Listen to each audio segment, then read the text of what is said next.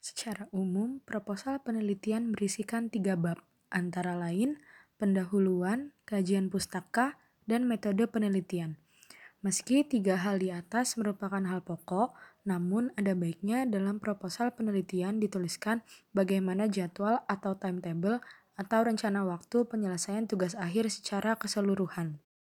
Beberapa hal penting yang harus jelas untuk diinformasikan dalam proposal penelitian antara lain satu, proposal penelitian harus berisikan research question yang ingin diteliti dan bagaimana pendekatan atau approach penelitian yang akan dilakukan untuk menjawab research question tersebut.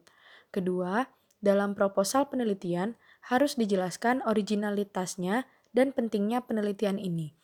Ketiga, proposal penelitian juga harus menjelaskan bagaimana penelitian ini memiliki kontribusi terhadap penelitian-penelitian yang sudah ada.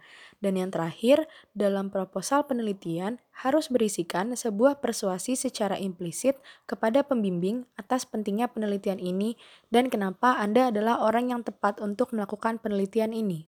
Sehingga dengan proposal penelitian ini, pembimbing akan dapat mengukur kualitas dan orisinalitas ide Anda, pengetahuan, dan kemampuan Anda dalam melakukan penelitian ini.